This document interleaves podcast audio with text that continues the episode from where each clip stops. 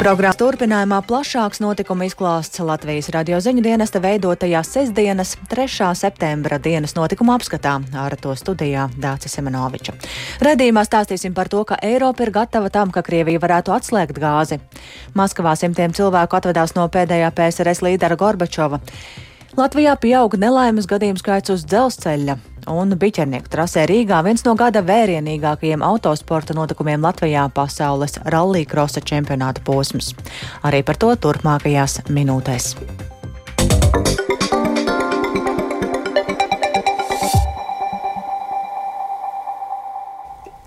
Eiropa ir gatava tam, ka Krievija varētu pilnībā pārtraukt gāzes piegādes. Tā ir paziņojis Eiropas Savienības ekonomikas komisārs Paulo Gentiloni. Jāatgādina, ka Krievija pēc trīs dienu pārtraukuma nav atjaunojusi gāzes vada Nord Stream darbību, jo tajā esot atklāta jauna problēma un nav zināms, cik ilgu laiku vajadzēs, lai to novērstu. Vairums rietumu politiķu un ekspertu šādam skaidrojumam netic. Plašāk stāsta Arčams Konohaus. Krievijas gāzes koncerna Gazprom paziņojums, ka tas neatjaunos gāzes padeve Vācijai pa cauruļvadu Nord Stream 1, zināmā mērā bija gaidāms. To apstiprināja arī Eiropas Savienības ekonomikas komisārs Paolo Gentiloni, kurš šajās brīvdienās piedalās Ambrozetti fórumā Itālijā. Pastāv iespēja, ka Krievija, kas, kā jūs zināt, izmanto naftu un gāzi kā šantāžas ieroci un pat ir gatava dedzināt gāzi, ja tai nav citu iespēju, pārtrauks gāzes piegādi nākamajā periodā. Ja tas notiks, tad taupība kļūs arvien svarīgāka. Tomēr es gribētu teikt, ka mums nevajadzētu aizmirst, ka mēs esam diezgan labi sagatavojušies, jo esam piepildījuši krātuves par 80% un spējuši dažādot piegādes avotus. Jā, dažām Eiropas valstīm klājas grūtāk nekā citām, bet kopumā mēs esam gatavi tikt galā pat ja Krievija sāks ekstrēmi izmantot gāzi kā ieroci. Visticamāk, Krievijas paziņojums kļuva par atbildes reakciju uz G7 valstu lēmumu uzlikt no decembra Krievijas naftai cenas griestus. Vācijas finanšu ministrs Kristians Lindners ir paziņojis, ka Krievija gūst lielu peļņu no nestabilitātes, kas pašlaik valda tirgu, un tam ir jāpieliek punkts, jo viņi šo naudu izmanto Ukrainas kara finansēšanai. Maskava ir atbildējusi, ka šāda lielā septītnieka rīcība destabilizēs naftas tirgu un solīja nepārdot naftu valstīm, kas ir uzlikušas cenas griestus. Oficiāli Kremlis gāzes piegāžu pārtraukšana pamatoja ar tehniskām problēmām. Krievijas prezidenta Vladimira Putina preses sekretārs Dmitrijs Peskovs piebilda, ka rietumu sankcijas traucē uzturēt gāzes vada kārtībā un laicīgi saņemt vajadzīgās detaļas. Nav nekādu tehnoloģisko rezervju, strādā tikai viena turbīna. Tā kā paši varat domāt, nekāda rezervēšana nav iespējama un ne jau Gazprom vainas dēļ. Tādēļ ir apdraudēta visas sistēmas darbības drošība ściemy baņā na Podugruzi. Tomēr šis skaidrojums reti kuram Eiropā liekas ticams. Drīzāk šādi Kremlis mēģina palielināt spiedienu uz Eiropas valstīm pirms drīzumā gaidāmās apkuras sezonas. Arī kompānijas Siemens Energy, kas ir saražojusi turbīnu, kurā pēc Gazprom vārdiem tagad ir problēmas, paziņoja, ka Krievijas pusē atklātās noplūdes nav īstais iemesls gāzes piegāžu apturēšanai. Eiropas komisijas priekšsēdētāja Urzula Fonderleina jau kopš vasaras sākuma atklāti saka, ka viņa strādā pēc pieņēmuma, ka Krievija jebkurā brīdī var pilnībā atslēgt gāzes piegādi Eiropai. Arcums Konahaus Latvijas Rādio Briselē. Maskavā šodien atvedās no pēdējā PSRS līdera Mihaila Gorbačova pie arotbiedrību nama, kur kolonu zālē notika atvedīšanās vēl pirms ceremonijas sākuma. Sāka pulcēties simtiem cilvēku pie ieejas veidojot garu rindu. Bērēs nepiedalījās ne Krievijas prezidents Vladimirs Putins, ne vadoši Eiropas politiķi, vienīgi Ungārijas premjerministrs Viktors Orbāns.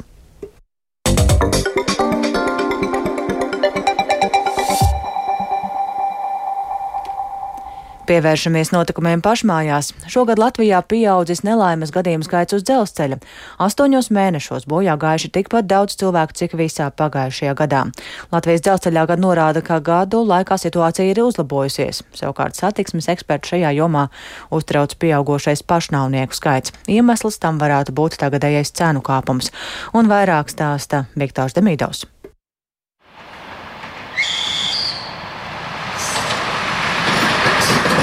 Šogad uz dzelzceļa sliedēm bojā gājuši jau 11 cilvēki. Te jau visi bija vīrieši. Nelaimes gadījumi lielākoties notikuši Rīgā un ap to. Ja salīdzina ar iepriekšējiem gadiem, tad pērnu visa gada laikā letālo gadījumu skaits bija tikpat liels, bet 2020. gadā dzīvi uz sliedēm aprāvās deviņiem cilvēkiem. Taču, ja paraugās vairāku gadu garumā, tad situācija ir būtiski uzlabojusies. Uz to norāda Latvijas dzelzceļā vienlaikus atzīstot, ka bojā gājušo cēlu cēloņi nav loģiski. Turpina uzņēmuma galvenais tehniskais inspektors Dainis Zvaners. Cilvēki, piemēram, guļ uz sliedēm vai pie sliedēm. Tāda ir puse vai gandrīz lielākā daļa no negadījumiem šogad. Ja? Es domāju, ka daudzi redzēja arī eh, sociālos tīklos bija, eh, bija pat nofilmēts, kur eh, automašīna iebrauc braucošā vilcienā uz pārbrauktuves, ja, pabraucot garām citām stāvošām mašīnām un iebrauc braucošā vilcienā iekšā. Ja. Nu, nu, ļoti grūti to izskaidrot kaut kā loģiski. Lai gan šogad bojā gājušo skaits ir pieaudzis, Zvaners norāda, ka nelaimju skaits salīdzinot ar bojā gājušajiem uz ceļiem, ugunsgrēkos un noslīkušajiem nav liels, bet problēma problēma ir aktuāla. Pozitīvas tendences vairāku gadu garumā saredz arī satiksmes eksperts Oskars Irbītis, atzīmējot, ka šogad nav cietuši bērni un pusauģi, taču krietni ir palielinājies pašnāvnieku skaits. Šogad tie bijuši jau pieci. Tas parādot, ka sabiedrības psiholoģiskais stāvoklis kļuvis sliktāks, turpina Irbītis. Tas ir tiešām satraucošs rādītājs. Es pat nezinu, kā to varētu cīnīties. Tas nav infrastruktūras jautājums, tas nav drošības jautājums, tas tas ir cilvēku vai sabiedrības, jāsaka, kopējais uh, noskaņojums. Un, jebkurā gadījumā notiekošie procesi šobrīd, tad uh, šī inflācija satraukums par etojošo ziemu, diemžēl mums nesola neko labu attiecībā uz šiem rādītājiem. Joprojām aktuāls ir sadursmes uz dzelzceļa pārbrauktuvēm, tātad cilvēki mēģina šķērsot to pie aizliedzošā signāla. Lai mazinātu problēmu, Latvijas dzelzceļš pērn sāka aprīkot vairākas pārbrauktuves ar īpašām kamerām, kas testa režīmā fiksē automašīnas, kas šķērso sliedes pie sarkanās gaismas. Datus drīzumā plānots sūtīt policijai. Ir bītis to vērtē atzinīgi. Dzelzceļa pārbrauktos tiešām tā ir tā vieta, kur nevajadzētu riskēt, nevajadzētu provocēt ceļu satiksmes negadījumus. Tām jābūt būt ļoti drošām vietām, un šis ir viens no apstākļiem, kas to varētu uzlabot. Tātad kaut vai bailes no šīs soda. Ja uz cilvēku neiedarbojas nekāda cita loģiska argumenta, tad iespējams bailes no soda tomēr varētu viņus vest pie prāta. Paralēli šim projektam Latvijas dzelzceļš jau daudzus gadus rīko informatīvas kampaņas. Savukārt, lai mazinātu risku, Rīgā dzelzceļa sliedes plānots iežogot. Viktors Demidovs, Latvijas radio. Lai nepamatoti nenoslogotu neatliekamās palīdzības tālruni, mediķi atgādina, ka vakaros un brīvdienās pēkšņu saslimšanas gadījumos var zvanīt uz ģimenes ārstu konsultatīvo tālruni 6601 6001. Brīvdienās ārsta padomus var saņemt visu diennakti, bet darbdienās no 5 vakarā līdz 8 rītā. Neatliekamās medicīniskās palīdzības dienestā informē, ka ikdienu cilvēku padomu lūdz vairākus simtu reižu. Turpina dienesta pārstāvja Ilze Bukša nelielas traumas, augsta temperatūra, vemšana caureja, kādas sāpes. Tāpat arī hronisku slimību sāsinājumi un nav skaidrs, kā rīkoties, un ģimenes ārsts nav sazināms, tad aicinam arī konsultēties. Jāsaprot, ka šī tālruņa speciālisti neaizstāja ģimenes ārstu, un jebkurā gadījumā pēc saņemta padoma, vai tas ir naktas stundās vai brīvdienās, vienmēr vajag arī konsultēties ar ģimenes ārstu, lai tālāk iespējams šo savu veselības problēmu jau risinātu. Pa tālruni neizraksta ne medikamentu receptes, ne darba nespējas lapas. Noteikti aicinam nezvanīt cilvēkus, kuri vēlas uh, skaidrot savu izmeklējumu rezultātus ar šādiem jautājumiem par pēkšņām situācijām, kas nav dzīvībai kritiskas, bet padoms vajadzīgs. Ir liels lūgums un aicinājums nenoslūgot ārkārtas tālruni 113.